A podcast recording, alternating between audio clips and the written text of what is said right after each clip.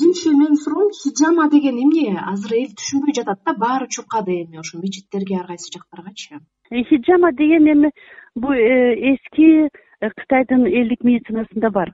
Орусчаны кровопускание деп коет кыргызча кан чыгаруу дейт баягы бузулуп калган кандарды чыгарат деп коет да. Эми ал мындай ойлоп көрсөк илимий жөнүндө ойлосок денеде мындай бузулуп калган кан жок да бузулуп калган кан жок.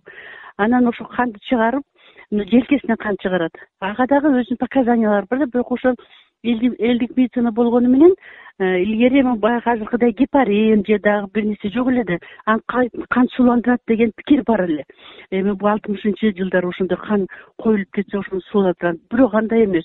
Э, биз мына эми тибет медицинасын э, илимий жолунда үйрөнгөнүбүз үчүн баягы эле каналдар да денеде он эки канал бар. Ошол канал менен биздин чи деген энергиябыз кезип жүрөт ошондой. Эми бир дагы хирург операция жасаганда ал каналдарды көргөн эмес бирок биз ага ишенебиз. Мисалы үчүн мен ишенем мен билем ал канал бар экенин мисалы үчүн силер деле мындай кой сойгондо мындай карасаңар э, мындай булчуңдардын арасында жел бар жел. Билинер билинбес. Ошол ошол канал болуп эсептелет. Ал эми азыр уже тастыкталган бирок хиджама биринчиден азыр аябай э, опасно аны жасаган дагы опасно. Жөнөкөй эле эми кээ бирөөлөр бир жылда эки жолу күздө жазда эки жолу алышат да. Ал эмес мага да келип жүрүшкөн бирок анын показаниясы таптакыр башка. Ковидке эч кандай ковиддин эми себебин биз билип атпайбызбы себеби ал э, вирус. Эми алар ойлоп аткандыр да баягы кан коюлуп калып атпайбы. Гепарин алынып атат аспирин алып атат. Бирок бунун хиджаманын ага таасири жок. Эгерде ошо эми он эки черепно мозговой нерв деп коебуз да мына черептен чыккан нервдер он эки пар бар он эки пар болгон он эки пар. Бул илимий бул бир мындай народный медицина эмес ошол черепно мозговой нервдер э, лицевой нерв мисалы үчүн глазной нерв ошолордун э, моюндан чыккан жерлеринен эгерде тромб болуп калган болсо бир гана ошондо жардам берип калышы мүмкүн. Бирок бирок азыркы тромбдор э, бул нервтерде эмес өпкөдө болуп жатпайбы дем алуу органдарындачы? Э, бул себеби башка ошону айтып атпаймынбы бунун себеби башка. Себебин биз билебиз себеби вирус. Вирустун өзүнүн белоктору бар. Э, вирустун өзүнүн баягында биз айткандай эле. Анан ал вируска ал белокторго эч кандай бул хиджаманын таасири жок да бир гана өзүнө зыян келтирип коюшу мүмкүн. Азыр ансыз деле абалы оор болуп турганда аны менен бир кандайдыр бир инфекция киргизип коюшу мүмкүн. Эч убакта хиджаманы жасаганда разовый инструмент жок. Мисалы үчүн биз иглотерапия жасасак бир адамга иглотерапия жасайбыз ошону таштап жиберебиз биз азыр о совет заманындагыдай автоклавка коюп аны дезинфекция жасабайбыз. Э, одноразовый баардыгы азыр бир жолу колдонуучу өзүңөр билесиңер да илгери шприцти деле кайнатып автоклавдан колдончубуз да хиджама дагы азырыналарын жасаган ошо бычагы скальпель эми э, орусча скальпель туура десек туура болот. Аны булар обрабатывать этишет жөн эле спирт менен деле арчып коюшат. Э, эми кээ бирөө ушундай эле мындай кудайдан корккон болсо автоклавка апарып бирок ар кимисинде автоклав да жок да азыр автоклавдар да дефицит ошон үчүн коркунуч бар да башка бир ооруну жугузуп алуу коркунучу бар. Эми бүт антисептиканын эрежелерин баардыгын жакшы колдонгон болсо дагы э, пайдасынан зыяны азыр көбүрөөк болот. Аны соматический соматический здоровый деп коет. Физически здоровый киши барып просто для профилактики ошентип алынат да. Ошондо да биз нервтерди бошотуш үчүн нервтерди бошотуш үчүн аны медик эмес баардык эле адистер кыла алабы? Жок жок жок кыла албайт жок. Аны баардыгы кыла албайт. Аны аябай оор аны Э, чыгара турган жерди билиш керек. Мисалы үчүн эгерде биз иглотерапия жасасак э, үч жүз алтымыш точка бар. Үч жүз алтымыш точка мен ийне сайсам бир точкасынан да кан чыкпайт. А эгерде өзүңөр ойлоп көрүлө мындай эле кичинекей эле ийне же бир тикенек эле бир жериңер каерге кирип кетсе сөзсүз кан чыгат да туурабы ооба. Демек мен үч жүз алтымыш точканы билемин. Кайсы жерге сайышым керек кайсы жерден кан чыкпаш керек. Хиджама да ошондой ошол именно өзүнүн ошол баягы эки үч тамыр мындай коллатераль деп коет. Бир тамырдан үч төрт тамыр айрылып кеткен жерлер бар да ошондой ал нормальный анатомияда да? Алар ошондой жерлерди билиш керек. Бирок ошол убакта кана гарантия ушул жерге азыр аба кирип кетпей баягы эмне үчүн көпчүлүк элдер мына буну айтып коеюн операция болгондо операциядан кийин үч төрт күндөн кийин эле өлүп калып атышпайбы ошону ошонун токсон проценти тромбоэмболия деп коет. Эмболия деген баягы жерден абага окшогон же бир неме кирип кетет тамырга кетип калат да бир жери барып тыгылып калат да. Постоянно ошон үчүн операция жасап атканда зажим кармайт аны э, ушундай неме осложнениянын бирден бири ошол да.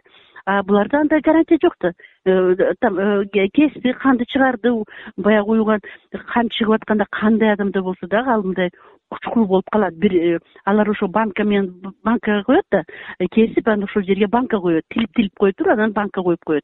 Кадимки эле баягы банка. А ошо банканын ичине кан толот анан ошону алып ал толгуча бир где то жарым саат жыйырма мүнөттдөй эле кандай кан болсо эң суюк кан болгон болсо деле баары бир ошо кучкул болуп чыгат да. Анан элдерге көрсөтөт мына карачы мына капкара кан болуп калган экен ушинтип калган экен деп. Антисептика жагынан э, аябай коркунуч бар эмне деген оорулар э, жугушу мүмкүн? Эмне деген любой оору жугушу мүмкүн? Биринчиден тромбоэмболия болушу мүмкүн анда сразу кетет. Э, бир күндөн кийин болбосо да эки үч күндөн кийин кудай сактасын. Любой бактерия любой алардын обработкасына ким ким э, мындай гарантия бере алат? Кепилдик бере албайт эч ким. Сен аны билбейсиң. Айтып атпайбы аларда азыркы убакка чейин разовый инструмент жок бизде мына эми бир жыйырма жыл эле болду разовыйга өткөнүбүзгө. Мурун бизде эле иголканы автоклав бирок автоклав бар эле да. Азыр автоклавдар жок эмне үчүн себеби инструменттердин бүт баардыгы азыр одноразовый буларда андай одноразовый жок. Анан азыр э, ушул ооругандардын көбү гепарин антикоагулянттарды антибиотиктерди сайып атпайбы анан? Параллелдүү түрдө ушул хиджаманы жасаса мындай коркунучтуу жагы кандай болушу мүмкүн? Мисалы адамдын ден соолугуна кандай таасир этиши мүмкүн? Ошол эле антикоагулянттар антибиотиктер менен параллель кетсечи? Параллель кеткенде дагы бул канда анда ал ал ошончолук э, суландырбайт ага караганда пиявка э, хиджамага караганда пиявка жакшы суландырат себеби эмне үчүн? Пиявканын ичинде гепарин бар. Ошол гепаринди бизге берет канга. Түшүндүңөрбү баягы э, пиявка барго сөөлжүн сөөлжан деп коет. Ошону жабыштырган жерде түкүрүгүндө бар да гепарин баягы канды суландырат мына муну колдонсо болот мисалы үчүн. Хиджамага а хиджама эмне кылат жөн эле тилип тилип канын алып атат.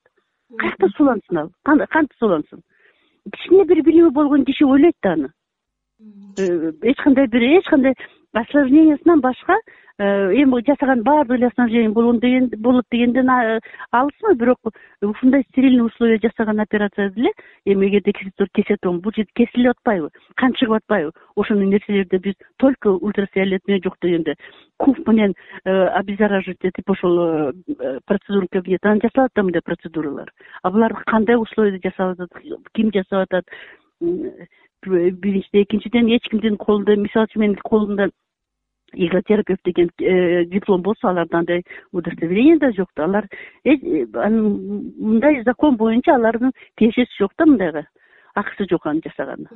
Адамдын саламаттыгына деле э, мындай жоопкерчилик алып жүрө албайт да ал жасап жаткандар туурабы? Жооп бере албайт жооп бере албайт. Себеби андай биздин медицинада аны уруксат берилген эмес туура эми башка ыкмалар жок болгондо ушул э, отуз кыркынчы жылдары колдонуп келген биринчиден кытайдан. Э, алардын ыкмасы таптакыр башка биздикилер биздикилерге караганда. Зыяны башка эми этият болуш керек да. Ар ким ар ким өзүнүн ден соолугуна өзү өзү кожоюн дегендей э, биз айтабыз ал алардын иши өздөрү тандайт.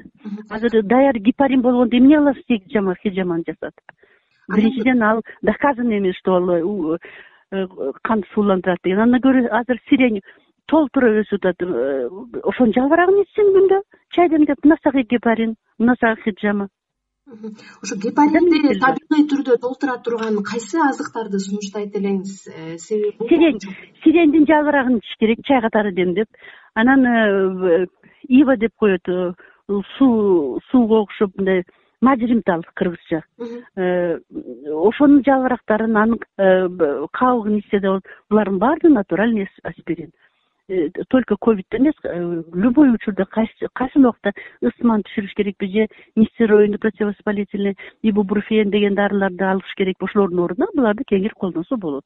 Себеби булардын биологиялык активдүү составында ацетилсалициловая кислота. Аспирин анан ушул кайра эле ошо элдик медицинага кайтып келсек э, кытайда деле бул ковид он тогуз менен катуу күрөш болбодубу анан сиз байкай алдыңызбы ошол кытайда элдик медицина аябай институттары аябай жакшы өнүккөн да э, ошо сиз окуган тибет медицинасы деле ошол жактан келип атпайбы? Ушул ковид он тогузду дарылоодо э, элдик медицинаны кытай айкалыштыра алдыбы кадимки медицина айкалыштырды айкалыштырды да болгондо баягы эле гармала деп коет э, адырашман бизде адырашман э, биз аны ошол биз окуп жүргөн убакта э, ал жактан мен окуп келип туруп анан бул жака келгенде нуралиева нуралиева фамилиясы нуралиева өзү фармаколог качып болуп кетти ошол экөөбүз э, э, ушуларды кытайлар ушуну колдонот экен ушундай бир э, инфекция болгондо эмнеси бар экен деп изилдеп көрсөк бунун составында гармин бар экен. Ошол анан кийин ошол адырашманды биз ленинградка алып барып туруп тастыктап келгенбиз. Гармин деген препарат чыгарганбыз. Мына ошону айкалышты мисалы үчүн.